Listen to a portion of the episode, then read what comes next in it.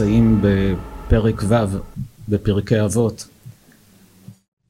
ראינו בשיעורים הקודמים כמה דברים יסודיים שאדם שרוצה לזכות למעלות רוחניות, לקניין תורה, צריך לאמץ אותם לעצמו. נעבור בקצרה לאחרונים ממה שראינו, צריך שיהיה אהוב, אוהב את המקום, אוהב את הבריות, אוהב את המשרים, כלומר ללכת בדרכי יושר, לא בהתפתלויות ובעקמימות, אוהב את התוכחות, רוצה לדעת את האמת. אם אני לא בסדר, אדרבה, תאמר לי, אני אתקן. רק ראינו שבעניין הזה, אמנם האדם עצמו צריך לאהוב את התוכחות, כי ייתכן שיש דברים שהוא לא שם לב וצריך לתקן אותם. דוד המלך אומר, בקמים עליי מרעים, תשמענה אוזניי. אפילו האויבים שלי, כשקמים נגדי, אני בכל זאת מקשיב. אולי יש צדק בדבריהם, אולי יש לי מה לתקן מתוך מה שהעירו לי והוכיחו אותי. אבל מצד שני, האדם שמאיר לחברו, אומרת התורה, הוכח תוכיח את עמיתך ולא תישא עליו חטא. אתה מוכיח אותו שהוא ילך בדרך נכונה, תיזהר שאתה לא תישא עליו חטא כי העלבת אותו בזמן התוכחה. אז יוצא שבאת לתקן אותו שהוא לא יעבור עבירה ואתה נכשלת בעבירה כי העלבת אותו, פגעת בו, ביישת אותו לפני אנשים. אז הוכח תוכיח את עמיתך אבל בצורה נכונה ולא תישא עליו חטא. אז מהצד של המוכיח צריך לדעת איך להוכיח. מהצד שמי שמקבל תוכחה, אומרת המשנה, אדם צריך להרגיל את עצמו לאהוב את התוכחות. כלומר, לא רק לא להיפגע, לא רק לא לכעוס למה אתה אומר לי שיש לי מה לתקן, אלא לאהוב את זה, לשמוח. הזכרנו את דברי הרמב"ם שהעיד על עצמו, שיותר הוא שמח באדם שמעמיד אותו על טעותו, מאשר אדם שמביא לו הוכחה שהוא צדק. כי הוא אומר, מי שהביא לי הוכחה שצדקתי בפסק ההלכה, גם בלי ההוכחה, הרי זו הייתה דעתי, כך פסקתי, מתוך מה שראיתי בתלמוד, בפוסקים. אם מישהו הביא לי הוכחה שטעיתי, אני שמח בו יותר, כי בלעדיו הייתי נשאר בטעות שלי. זו גדולה של אדם שהוא מבקש אמת. ואדם שרוצה לקנות תורה, להגיע למדרגות רוחניות גבוהות, חייב להיות איש אמיתי. אז כשמעמידים אותו על האמת, הוא שמח בכך. אוהב את התוכחות. הוא מתרחק מן הכבוד, גם את זה ראינו בשיעור הקודם, לא רק שהוא לא רודף כבוד, אלא מתרחק מהכבוד. כי הוא יודע שהכבוד הזה הוא סוג של דמיון, עלול להביא אותי לידי גאווה. גאווה, השורש שלה הוא שקר. כל הגאווה צומחת מתוך התנשאות שהיא שקרית. אדם שהוא אמיתי עם עצמו, הוא לא מתנשא מעל האחרים. כי הוא גם מכיר בחסרונות שלו. הוא יודע, יש לו מעלות כאלה, יש לו חסרונות כאלה. דיברנו כבר בעבר, מה שכותב הרמח"ל במסילת ישרים, שאומנם כל אדם צריך להכיר במעלותיו, להכיר ביכולות שיש לו כדי שיפעל בהם ויעשה, אבל שלא יתנשא מעל האחרים. איך לא יתנשא? אבל הוא אומר, הרי אני הכי עשיר בעולם, הרי אני הכי גיבור בעולם, הכי יפה בעולם, הכי... כל אחד עם המעלות שלו. אומר המסילת ישרים, תאמר לעצמך, נכון שיש לי את המעלה הזו שאני מספר אחד בעולם בכסף, או בגבורה, או ביופי, או בחוכמה, אבל אני מודה לבורא עולם שנתן לי את המתנה הזו. לי אין מה להתנשא מעל האחרים. אז יש לי את המעלה הזו, יש לי חסרונות אחרים. אדם אחר יש לו חיסרון כזה, מעלה אחרת, אין לי מה להתנשא. כותב הרמח"ל, כמו שהשור לא יכול להתנשא מעל הציפור בשרירים שלו, והציפור לא יכולה להתנשא מעל השור בכנפיים שלה, שהיא יכולה לעוף ולראות מרחבים ונופים, אלא אתה תאמר תודה לבורא עולם שקיבלת שרירים, את תגידי תודה לבורא עולם שקיבלת כנפיים. כך כל אדם צריך להכיר במעלות שיש לו, אבל לא להתנשא, לא להרגיש את עצמו מעל כולם, תמיד להישאר בגובה העיניים. חז"ל אמרו, מאן דיהיר, אפילו האנשי ביתו לא מתקבל. אדם שהוא יהיר, שהוא גאוותן, אפילו אנשי ביתו, הוא לא מקובל בעיניהם. הם מרגישים סוג של ריחוק ממנו. משפחה שלו, אבל מרגישים ריחוק. אדם שיש בו ענווה, אהוב במשפחה, אהוב מחוץ למשפחה, והוא איש אמת, כי הוא יודע את האמת. לכן אחד הקניינים שהתורה נקנית, מתרחק מהכבוד. נתקדם הלאה, ולא מגיס ליבו בתלמודו. מגיס, מה פירוש המילים מגיס בקדרה? מערבב את האוכל. לא מגיס ליבו בתלמודו. יש גם מה שנקרא גסות רוח, שהמוח שלו מתערבב והוא מרגיש את עצמו גבוה. אדם שהוא מגיס ליבו בתלמודו, פירושו של דבר שאין לו אחריות כלפי התורה שהוא לומד. הוא רואה את התורה כחוכמה ככל החוכמות, ומדבר בקלות, מה שבא לו מדבר, בלי חשבון, בלי... זה נקרא מגיס ליבו בתלמודו. שואלים אותו, מה הדין במצב כזה? נראה לי כך. מה זה נראה לי? בדקת את ההלכה, ראית מה כתוב? אדם צריך לזכור שהתורה היא לא רכוש פרטי שלו, התורה הזו היא של בורא עולם. ומשה קיבל תורה מסיני, כמו שראינו במשנה הראשונה באבות, מסרה ליהושע, יהושע לזקנים, זקנים לנביאים, וזו אחריות גדולה שאדם יעביר את התורה כמו שהוא קיבל אותה מרבותיו, ולא שיעוות ויעקם אותה כרצונו. אז אדם שהוא מגיס ליבו בתלמודו, הוא מתייחס בזלזול, הכל נראה לו קליל, חסר אחריות, אומר דברים שאינם נכונים, דברים שאינם, והוא מדביק את זה לתורה, כאילו שכך התורה אמרה. אחת ההתפעלויות הגדולות, לאחר אלפיים שנות גלות, עם ישראל חוזר לארץ ישראל, כל קהילה מביאה איתה את הספר תורה מהמקום שבו חיה אותה קהילה, ואז לא היה טלפונים ולא היה אינטרנט ולא תקשורת, אז בין מדינות זה היה כמו היום לירח. היה כל כך קשה להגיע ממדינה למדינה, לא היה תקשורת. וספרי התורה, העתיקו אותם ספר מספר במשך אלפיים שנה. היינו מצפים שאחרי אלפיים שנה, ספר שמועתק בכתב יד, ובאים קהילות מכל רחבי העולם, היינו צריכים לראות אין ספור הבדלים בין הספרי תורה, עם הרבה טעויות והרבה שיבושים, אתה כבר לא יכול לדעת מה אמיתי. בפועל, ספרי תורה מגיעים מכל העולם לארץ ישראל, מפולין ומפרס וממרוקו וממקומות הכי נידחים, מתימן, ואתה רואה שהספרי תורה זהים. זה דבר כל כך מפליא. אבל כל מי שלמד את ההלכות, הלכות ספר תורה, הוא לא מתפלא. כי על פי ההלכה, אם בזמן קריאת התורה בשבת בבית הכנסת ראו שהסופר במקום לרשום במילה הוא ו' ארוכה, באמצע הכתיבה קראו לו עצר, הלך, חזר, שכח שהוא לא העריך את האות, נראית כמו י', נראה כמו היא, המילה היא הוא, אבל נראה היא. מה הדין? ספר תורה פסול, אסור לקרוא בו. מפסיקים את קריאת התורה, כורכים אותו במטפחת, מוציאים ספר תורה אחר, אבל מה אתה עושה עניין? כתוב ככה, כמו שקיבלנו את התורה מאבותינו, כך נעביר אותה לדורות הבאים. ותוך שלושים יום חייבים לתקן, אסור להשאיר את הספר תורה פסול יותר משלושים יום. מתקנים אותו. כך בכל העולם הקפידו על ההלכה היהודית, כי לא התייחסו לתורה בגסות רוח.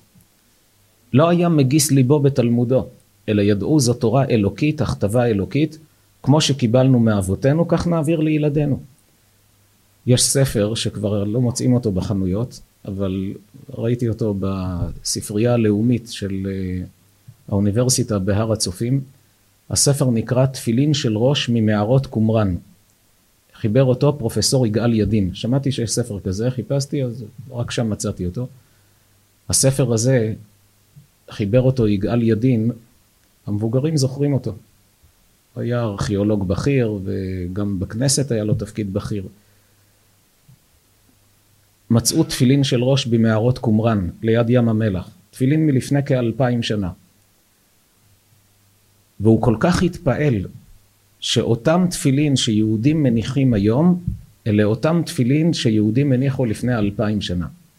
בדק את האור שמהם עשוי התפילין, אור של בהמה, טהורה, רק טהורה, כמו שכתוב בהלכה. בדק את הקלף, הפרשיות, ארבע פרשיות, אותן פרשיות שאנחנו כותבים היום. והוא עצמו הביע התפעלות.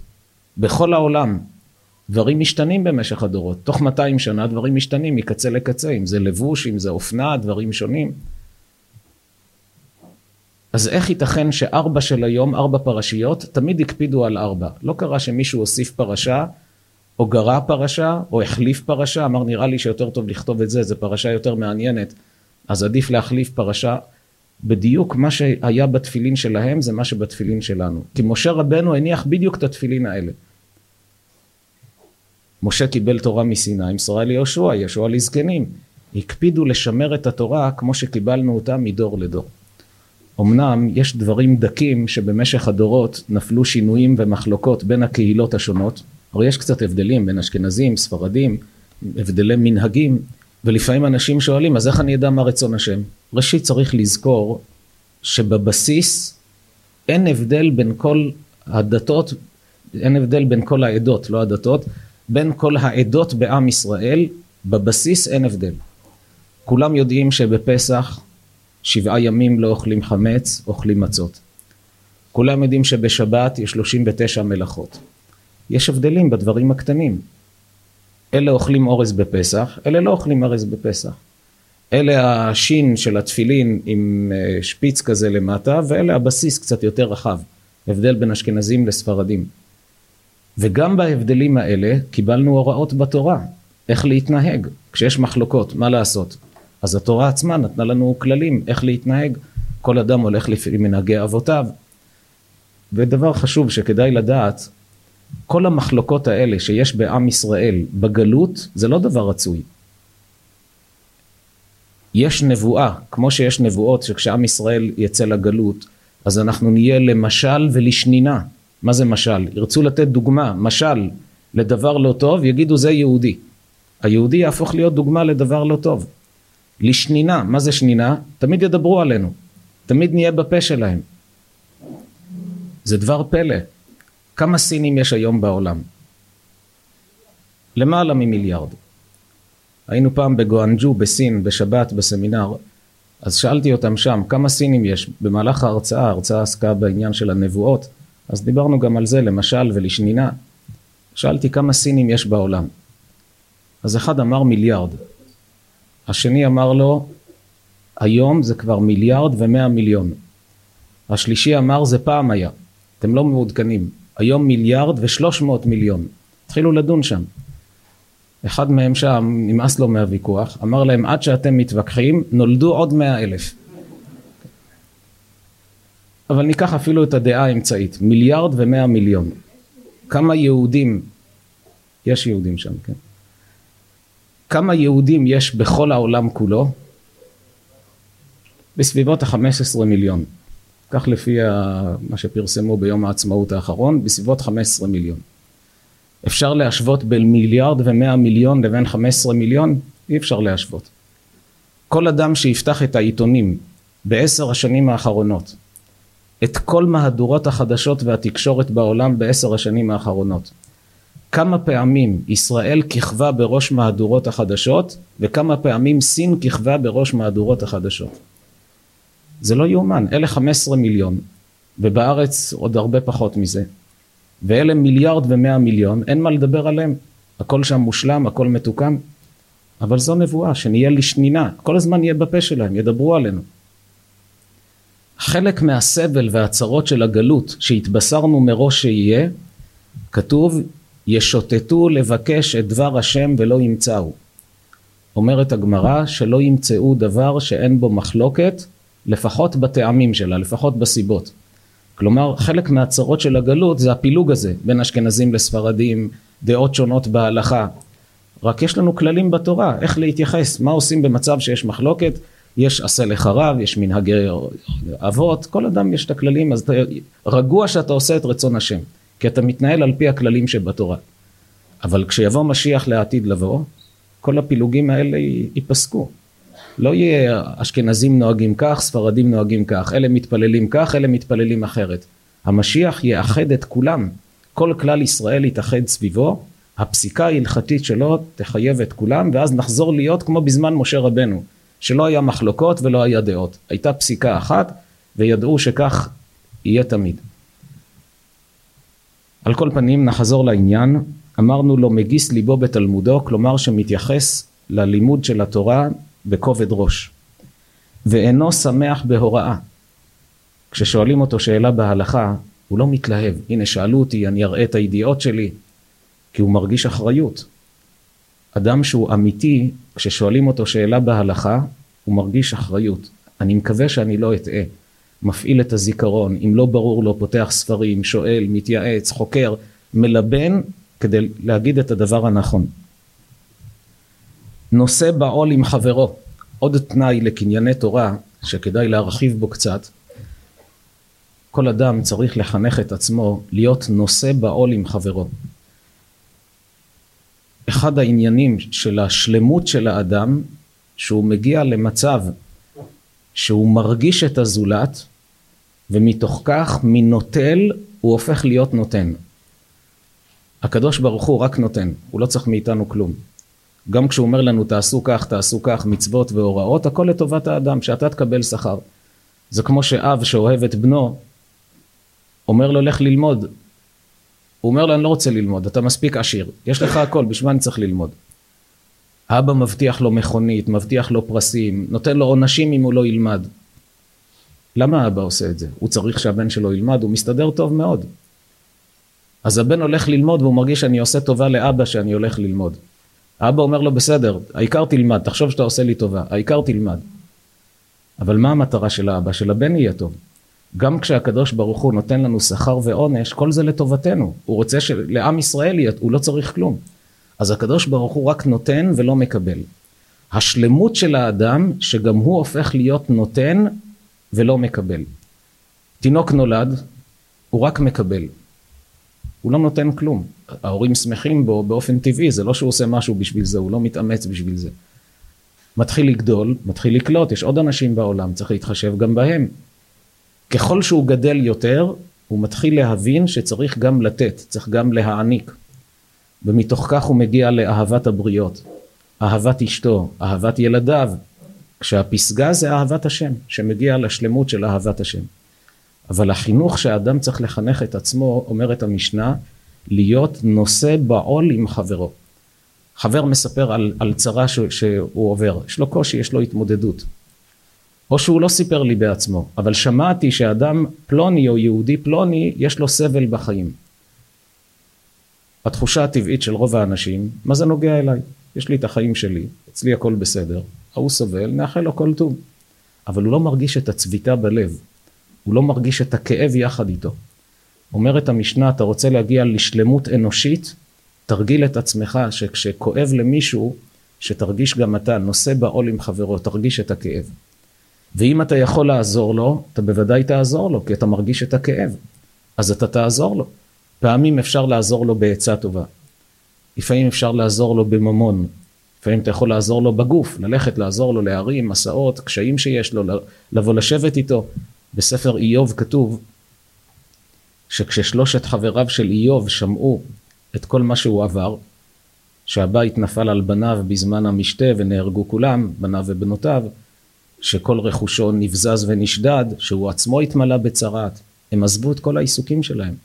באו וישבו איתו כמה ימים, כתוב שם בפסוקים שבהתחלה הם לא דיברו שום מילה. ידעו שמה שיגידו זה לא לעניין, רק לשבת איתו כדי לתמוך בו. אחר כך התחילו לדבר, לנסות לנתח, לתת לו עצות. נושא בעול עם חברו זה מרגיש את הכאב של השני. שמעתי מעשה מאדם שהכיר את המשפחה, שהמעשה היה איתה בדורות הקודמים שלהם עם החפץ חיים. אחד מה, מהמשפחה אז היה אדם מכובד, משפחה מבוססת כלכלית, והוא חלה בחולי שלדעת הרופאים החולי הזה חסוך מרפא. לא נשאר לו הרבה זמן לחיות. הוא עדיין צעיר, יש לו ילדים קטנים, יש לו... אבל הודיעו לו שצריך להתכונן לגרוע מכל. אין תרופה למחלה הזאת. נסע עד, עד רדין, איפה שגר החפץ חיים שם ברוסיה, החפץ חיים מפורסם כגדול הדור, בעל מופתים, התפילות שלו שוות הרבה.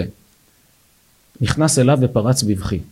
סיפר לו על המצב, שהרופאים אומרים שזו מחלה חשוכת מרפא, אמר לו את שם המחלה, והוא מתחנן לרב ש, שהרב יתפלל עליו וירפא אותו. אמר לו החפץ חיים, אני אומר לך דבר, אבל תבטיח לי שלא תאמר אותו לאף אחד. אם לא תאמר לאף אחד מה שאני אומר לך עכשיו, אתה בעזרת השם תתרפא. יש בעיירה, שלח אותו לעיירה ליד רדין, מרחק של, אה, צריך לנסוע הרבה זמן אז עם העגלה וסוסים. יש שם רב קהילה. לך לרב הקהילה, תאמר לו שביקשתי שיתפלל עליך. אבל התנאי שלי שהמחלה הזאת תסתלק, שאתה לא מספר לאף אחד מה שאמרתי לך עכשיו. בסדר, הסכים לתנאי, מיד נסע לאותו רב, נכנס אליו, רואה רב צעיר, משהו שעכשיו רק סיים לימודי רבנות, מינו אותו רב לאיזה מקום קטן. אומר לו, החפץ חיים אמר שכבודו יתפלל והוא בוכה. הוא אומר לו, אני, אני בסך הכל אברך צעיר, עכשיו רק התמניתי פה לרב, אני לא נחשב שהתפילות שלי... אמר לו, אני לא יודע, חפץ חיים אמר, תתפלל. טוב, אמר לו, בסדר. מתפלל עליו, החפץ חיים אמר, בסדר. חזר לביתו, והנה המחלה לאט לאט פיתחה נסיגה, עד שהוא נרפא לחלוטין. חלפו הרבה שנים, והנה קרוב משפחה של אשתו חלה באותה מחלה. אשתו באה אליו ונדנדה לו, מה עשית אז שנרפאת? הרי גם זה בדיוק אותו דבר, וגם שם חסוכים, ואתה נסעת, חזרת, מה היה שם?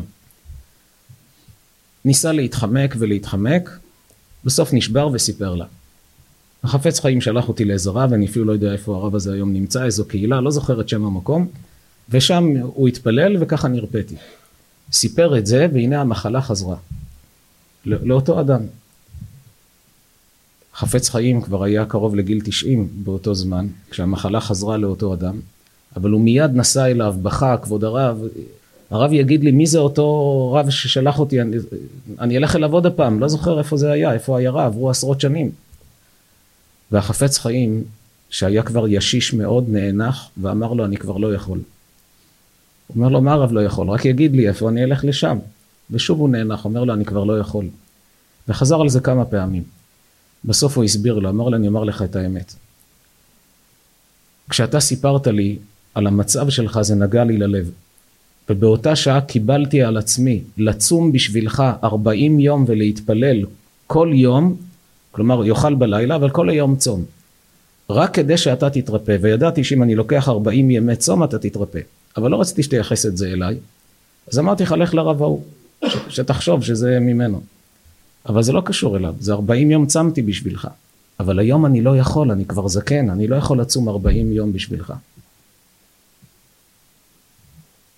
הסיפור הזה לא נועד עכשיו לספר על גדולתו של החפץ חיים שצם 40 יום והאדם הזה התרפא, אלא הגדולה של הנושא בעול עם חברו, לא מצד הישועות, כמו מצד האכפתיות. הוא שומע על היהודי הזה כואב, יש לו סבל, יש לו צער, אז הוא, הוא לא מכיר אותו בכלל. 40 יום הוא מוכן לצום בשבילו ולאכול רק בערב, כל היום לצום, כדי שהיהודי הזה יהיה בריא. זה נקרא נושא בעול עם חברו. אומרת המשנה, תנאי לקניין תורה, אדם שרוצה להגיע למעלה רוחנית גבוהה בקניין תורה, שיחנך את עצמו להיות נושא בעול עם חברו. דבר נוסף, הוא מכריעו לכף זכות. כשלמדנו למעלה על דן את כל האדם לכף זכות, הרחבנו בעניין הזה. פה נאמר את הדברים בקצרה, כי כאן זה מופיע ברשימה של קנייני תורה. בגמרא כתוב על הפסוק, בצדק תשפוט עמיתך, שהפסוק הזה לא נאמר לשופט בבית המשפט. בשופטים בשוטרים תיתן לך בכל שעריך פרשת שופטים, שם כתוב צדק צדק תרדוף, יש שם את כל ההלכות של השופטים. כאן בצדק תשפוט עמיתך, מה זה עמיתך? את החבר שלך, כל אדם לפעמים שופט. לא שופט בית משפט, תכניס אותו לכלא, אבל אתה שופט אותו בדעתך, האם האדם הזה אדם טוב או אדם רע? האם האדם הזה צדיק או רשע? האם האדם הזה בעייתי או שהוא בן אדם טוב? כל אדם רואה דברים מסביב והמוח שלו שופט. מצווה מהתורה, כך אומרת הגמרא, בצדק תשפוט עמיתך. כשיש לך את כף המאזניים, אתה יכול לשפוט אותו לצד הצדק, לומר שהוא צודק, זה בסדר. אתה יכול לשפוט אותו לכף של הרשע, לומר האדם הזה רשע, תראה מה שהוא עשה. מצווה מהתורה, אם מדובר באדם שמוחזק בכשרות, תשפוט אותו לכף הצדק, תדון אותו לכף זכות.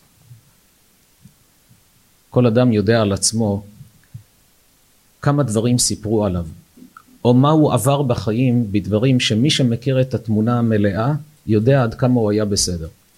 אבל מסביב, מי שלא מכיר את כל הסיפור, בטוח שהוא היה לא בסדר. צריך לדון לכף זכות. וחז"ל אמרו שאדם שדן את האחרים לכף זכות, גם משמיים דנים אותו לכף זכות. איזה שכר יש לו על זה? יש בגמרא כמה סיפורים החכמים שם עשו דברים שהיו נראים מאוד מוזרים. אחר כך שאלו את התלמידים, כשראיתם שעשינו כך, במה חשדתנו? והתלמידים אמרו, הסברנו את זה כך והסברנו כך. אמרו להם החכמים, כשם שדנתם אותנו לכף זכות, כך ידונו אתכם מהשמיים לכף זכות. כי זה אמיתי, בדיוק מה ש... אפילו לפעמים דבר שבמצב השטחי זה לא כל כך נראה. אבל אם מדובר באדם שמוחזק בכשרות, מצווה לדון אותו לכף זכות. אם הוא אדם שמצהיר על עצמו שהוא רשע ולא אכפת לו, אחד שמצהיר על עצמו שלא אכפת לו לאכול נבלות וטרפות, הוא לא מאמין בכלום.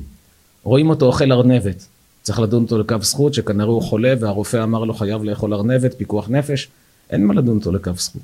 זה רשע. אבל אדם שהוא מוחזק בכשרות, תדע שסך הכל האדם הזה הוא אדם בסדר. פה ראית סוג של מידע. מצוות עשה מהתורה, לדון אותו לכף זכות. המון סכסוכים, הרבה מתחים יש בין בני זוג, כי לא דנים לכף זכות. האישה למשל בבוקר אומרת לבעלה, היום אל תתעכב, כמו שאתה לפעמים יושב עם חברים, מפטפט איתם. יש אספת הורים בשבע בערב. תקפיד להגיע בשבע לבית, אתה מסיים בששת העבודה, יש לך רבע שעה נסיעה, לפעמים אתה מתעכב, מבקשת, שבע, תדייק. והיא כבר משש מתארגנת ומתלבשת ומסודרת, שש וחצי, לא מגיע. רבע לשבע, לא מגיע. שבע, שבע וחמישה, מצלצלת אליו, מה קורה? הטלפון לא זמין. באופן טבעי, מה היא אומרת לעצמה? חוסר אחריות. סגר את הטלפון בכוונה כי הוא לא רוצה שאני אצעק עליו. והנה ברבע לשמונה הוא נכנס לבית. היא רוצה שהוא ישמור לה על הילדים הקטנים, יש אספת הורים. מתנפלת עליו בצעקות, על חוסר רגישות, וכמה אתה לא בסדר, והיא מרגישה שהיא צודקת. אבל אדם שמרגיל את עצמו לדון לכף זכות, גם אם היא לא יודעת את ההסבר למה הוא מאחר, אבל היא אומרת לעצמה, אני צריכה לדון לכף זכות. אולי עיכבו אותו בעבודה, אולי הסוללה נגמרה, אולי אבד לו הטלפון, קורה שהטלפון מתקלקל, הטלפון אבד, לכן הוא לא עונה לי. אולי היה איזה פקק שהוא לא יכל להגיע. כשהיא מדברת עם עצמה בצורה כזו, והוא נכנס ברבע לשמונה, היא אמנם תשאל אותו מה קרה, אבל לא בעצבים. היא תשאל אותו ברוגע.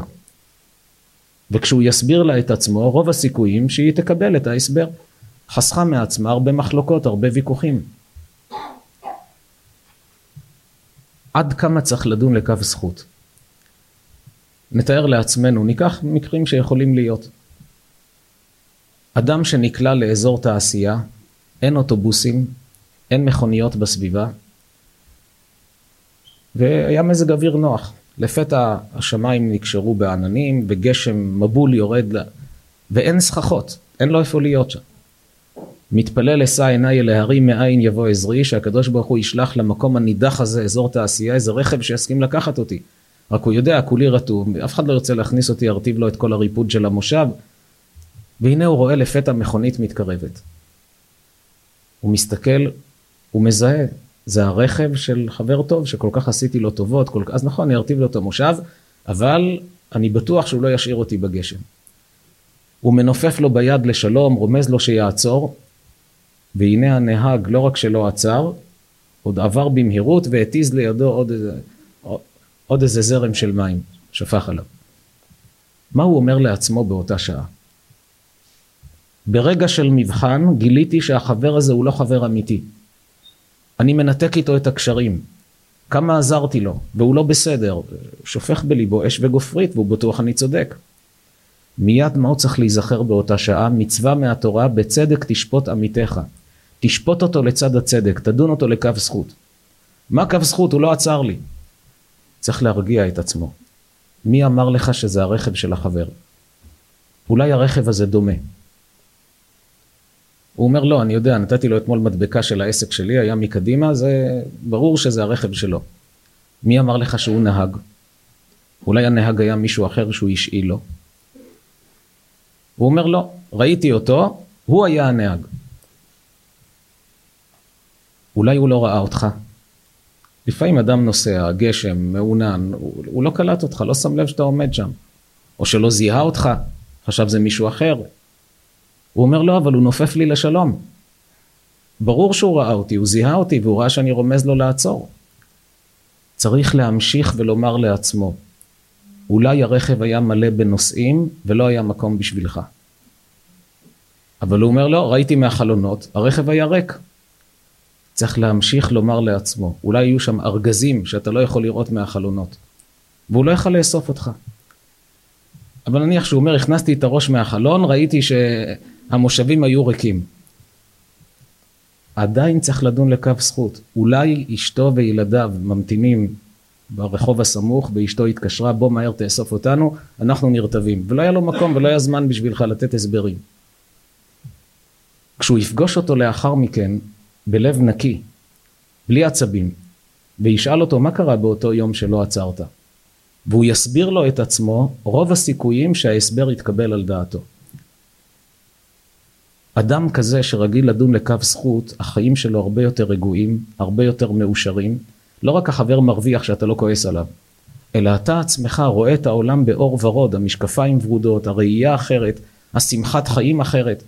אדם שדן לכף חובה, הוא מרגיש שכל העולם רע. כי אצל כל אחד הוא רואה חיסרון, מפרש את זה לרעה, אז זה גנב, וההוא נוכל, וזה שקרן, וההוא מתחזה, וזה כך, וזה... כולם רעים. איזה, איזה צורת חיים אדם שחי בצורה כזו. שד... כשהוא דן לכף זכות, הוא עצמו חי באיכות חיים הרבה יותר טובה. ואומרת כאן המשנה שזה אחד מקנייני תורה. אתה רוצה לקנות את התורה, תרגיל את עצמך לדון לכף זכות. ממשיכה המשנה, ומעמידו על האמת, לא רק דן את חברו לכף זכות, אלא גם מעמידו על האמת. יש מצב שאדם רואה את חברו נכשל. נכשל בהלכה, נכשל בעוונות, במידות רעות. והוא אומר, מה, מה אכפת לי? שיחיה את החיים שלו. אומרת המשנה, צריך שיהיה אכפת לך מהחבר, תעמיד אותו על האמת. כמו שראינו קודם, יש כללים, איך לדבר, מה לומר, מה לא לומר. ולא תישא עליו חטא, אבל מעמידו על האמת, כלומר, שיהיה אכפת לך מהשני. נתאר לעצמנו אדם שהוא קובע עיתים לתורה בכל יום. וחברו לא כך. והוא יודע, אם אני אפנה אליו ואומר לו בוא איתי לשיעור תורה, יש סיכוי גבוה שהוא יבוא. אפילו 50 אחוז, אפילו 30 אחוז.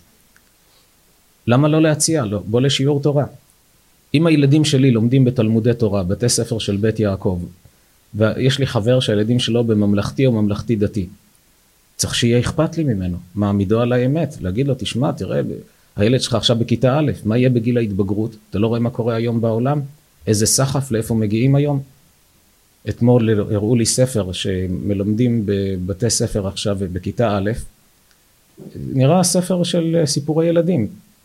ובספר הזה מלמדים את הילד, הכל בצורה של סיפור, שיש בית שיש בו אבא ואימא, ויש בית שיש אבא ואבא, ויש אימא ואימא, ויש אה, מוחמד, עומר ו, ויהודייה, הכל בספר אחד, ספר של ילדים, שזה בסדר לחיות עם ערבים, וזה בסדר שיחיו בדברים מוזרים.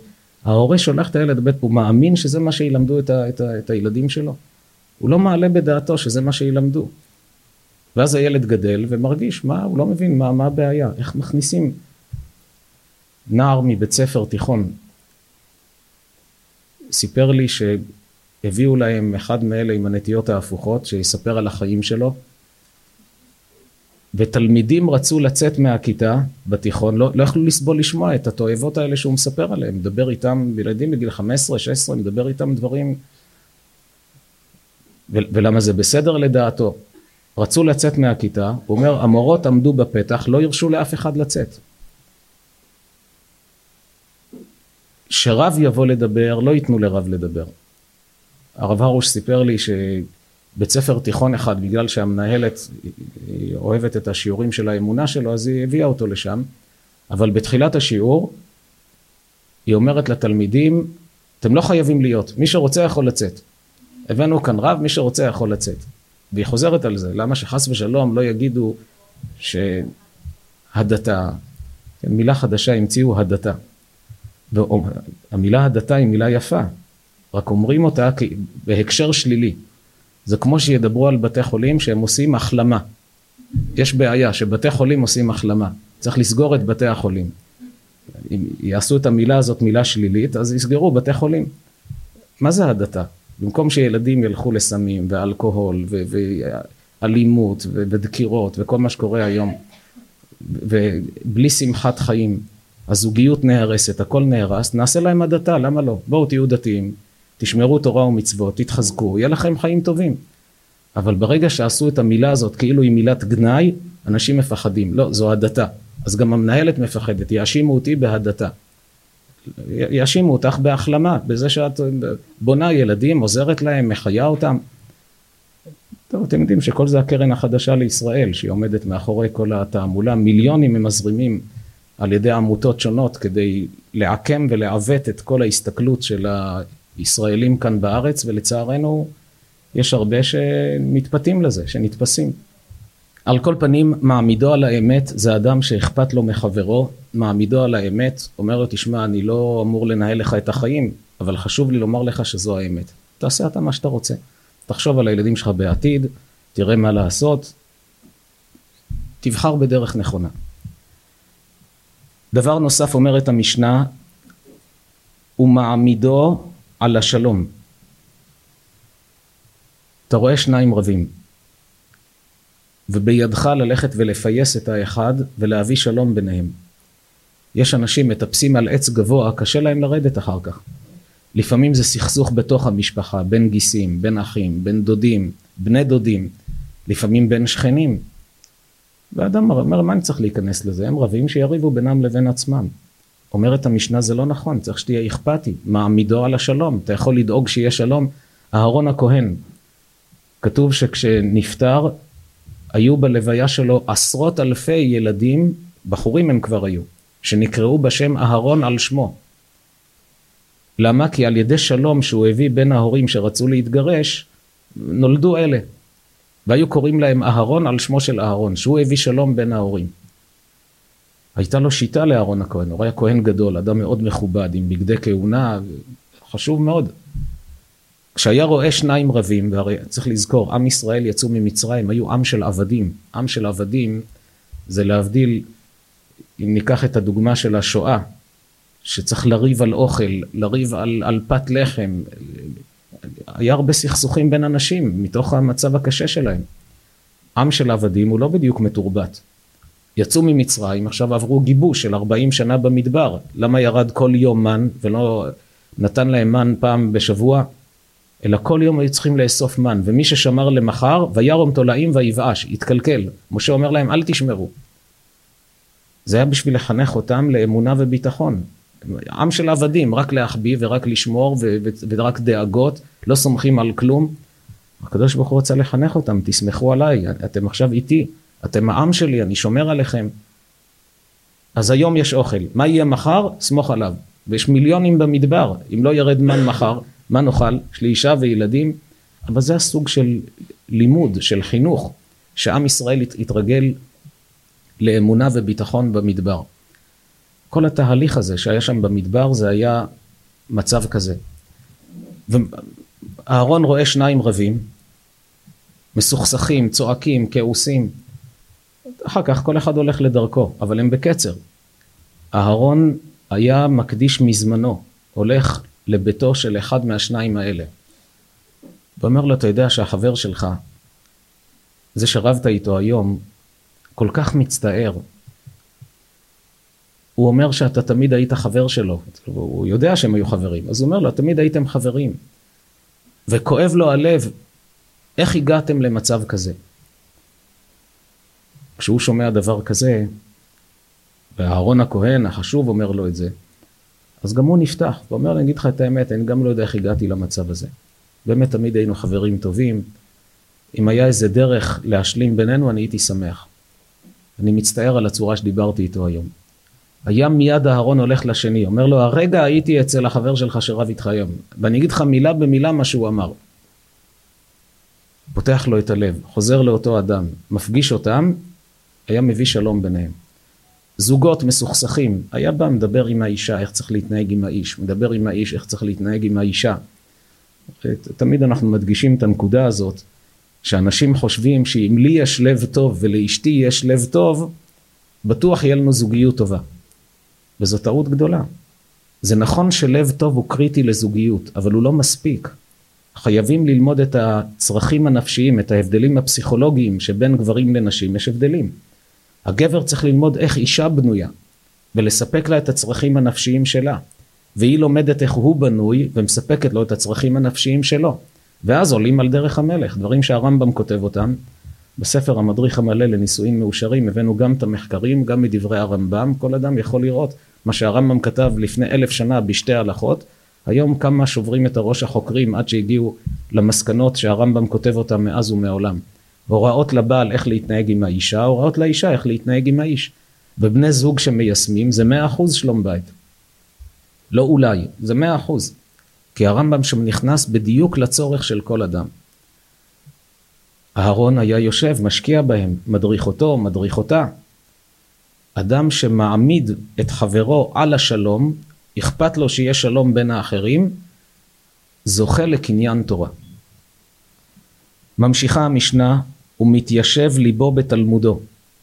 כלומר, כשיושב ללמוד הוא לא לומד בקלות ראש, אלא הוא מעמיק בדברים, מה כוונת הפסוק, מה כוונת התנא, מה כוונת התלמוד. שואל ומשיב. שואל שאלה, מתעניין, מנסה לפצח את השאלה, לענות, לדון ביחד, שומע ומוסיף. שומע מה שהרב אומר או שהחבר לומד וגם מוסיף משלו. כלומר דברים שהוא למד לפני, מנסה ללבן את הדברים. הלומד על מנת ללמד. זה דבר מאוד מעניין, שאדם שהוא לומד על מנת ללמד, זה עוזר לו שהלימוד שלו יהיה יותר מוצלח. כי אם האדם לומד רק בשביל שהוא ידע, אז הוא יכול גם קצת ככה למרוח דברים. אבל כשהוא יודע, אני צריך לחזור על זה כלפי אחרים. אני צריך ללמד את החברים שלי, ללמד את התלמידים שלי. אז זה מחייב אותו להיות בקיא בדבר, להיכנס לעומק, להבהיר לעצמו, האם הבנתי נכון, האם צריך לעבד את הדברים יותר. ובכלל, בדור שלנו לפעמים יושבים אנשים שהם כן הולכים לשיעורי תורה, וברוך השם יש להם ידע, וכשיושבים עם חברים מתביישים להגיד דברי תורה. כל החברים מדברים שטויות והבלים, והוא מרגיש, אפילו גם פה מהשיעור, אמרו לי כמה פעמים בחורים שמאז שהתחילו ללמוד תורה, כשיושבים עם חברים, מרגישים שהכל רדוד, זה לא מעניין אותי כל הדיבורים האלה, מה שפעם הוא היה חלק מזה. אבל עכשיו הוא עלה קומה, הוא מרגיש שיש נושאים גבוהים לדבר, מה השטויות האלה? מה יצא מכל הפטפוטים האלה? מקום שאין איש, השתדל להיות איש, אז אתה תדבר. הוא אומר לו, אבל אני לא רב. אבל אתה עכשיו בחברה הזו, אתה, זה מקום שאין אנשים, אז אתה תשתדל להיות איש, אתה תגיד את הדברי תורה שלמדת, לפי הבשלות שלהם. אם מסוגלים לשמוע דברים גבוהים, דבר דברים גבוהים. לא מסוגלים דברים גבוהים, דבר ברמה שהם מסוגלים לדבר. אפילו שלך יש דברים מאוד גבוהים. זה גם כלל שאדם שמוסר שיעור, מלמד אחרים, או אומרים לו בשבת, משפחה חילונית, אתה ברוך השם מתחזק, תגיד לנו דברי תורה. הוא יכול לומר דברים מאוד גבוהים, אבל הוא יודע שהם לא, לא מסוגלים לעכל את זה. תגיד דברים יותר פשוטים. אדם שאוהב בשר צלוי ברמה מסוימת, ויש לו תינוק שעכשיו נולד, הוא ייתן לו לאכול בשר בגלל שהוא אוהב בשר. אתה צריך לתת לילד מה שהוא מסוגל לעכל. תן לו אבקת חלב, את זה הוא מסוגל לעכל. גם כשאתה יושב בחברה ואמור להגיד דברי תורה, תגיד מה שהציבור מסוגל לעכל, לא מה שאתה עכשיו רוצה לומר כי התלהבת מאיזה רעיון. מה שמתאים לציבור, תדבר דברים שיחזקו אותם, יקרבו אותם, בהתאם לרמה שלהם. זה הלומד על מנת ללמד, עוזר לאדם עצמו שהדברים יהיו בהירים אצלו. דבר נוסף, הלומד על מנת לעשות. גם זו עצה נפלאה, איך לחדד את ההלכה שהיא תהיה ברורה אצלך. אדם שלומד הלכות, והוא אומר אני רוצה ליישם את ההלכה, הוא יעמיק בה באופן שהיא תהיה ברורה לו. כי הוא יודע, שבת מתקרבת, ואני צריך ללמוד הלכות שבת כדי לדעת לקיים את ההלכות. אז בזמן הלימוד הוא שם לב לכל פרט, כי הוא צריך לקיים. אם הלימוד שלו ארטילאי, יותר כזה מרחף מלמעלה, אז גם אם הוא לא הבין עד הסוף, הכל אה, לא בהיר ולא ברור. אבל הוא יודע, אני צריך לעשות את זה בשבת, עוד מעט אני אצטרך לקיים, להניח תפילין, רוצה לדעת איך מניחים תפילין. אישה הולכת למקווה, רוצה את ההלכות של המקווה. כשאדם לומד על מנת לעשות, הוא יודע אני לומד את זה רוצה לקיים, זה עוזר לו להבין את הדברים יותר לעומק, יותר בבהירות, יותר בצורה נכונה. המחכים את רבו, עוד דבר שעוזר לאדם לקניין תורה, שהוא שואל שאלות שהן אתגריות לרב שלו. הרב שומע שאלה כזו, שאלה עמוקה, אז הוא צריך עכשיו להעמיק יותר ולדון, זה נקרא מחכים את רבו. אז גם הוא מתפתח יותר. והמכוון את שמועתו, מה פירוש מכוון את שמועתו? מה זה כוונה בתפילה? כשמדברים על כוונה בתפילה, מה זה לכוון בתפילה? כשיש שני סרגלים, אם מניחים סרגל מול סרגל, כל סנטימטר מול השני.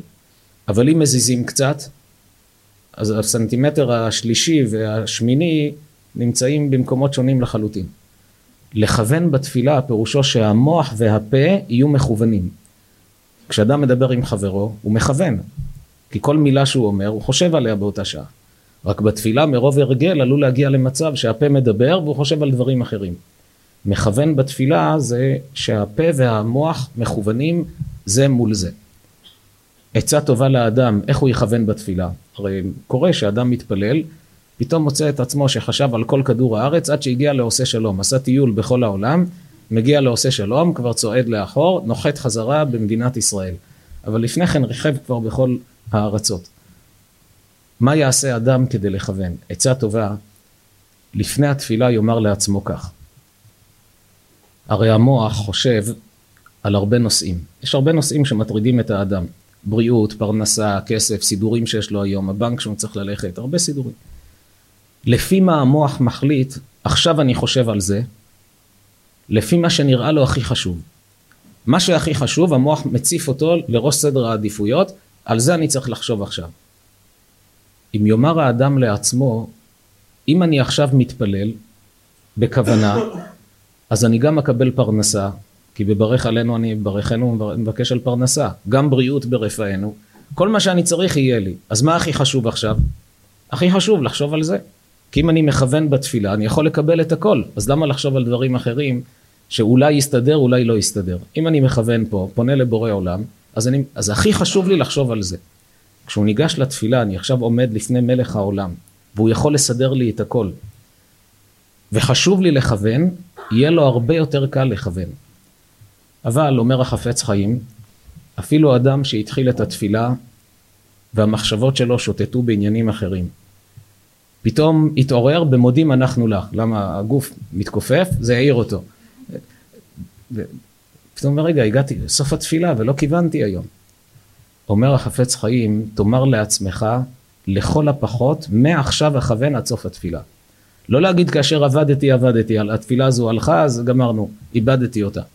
מעכשיו תכוון עד הסוף. אמר החפץ חיים, משל למה הדבר דומה?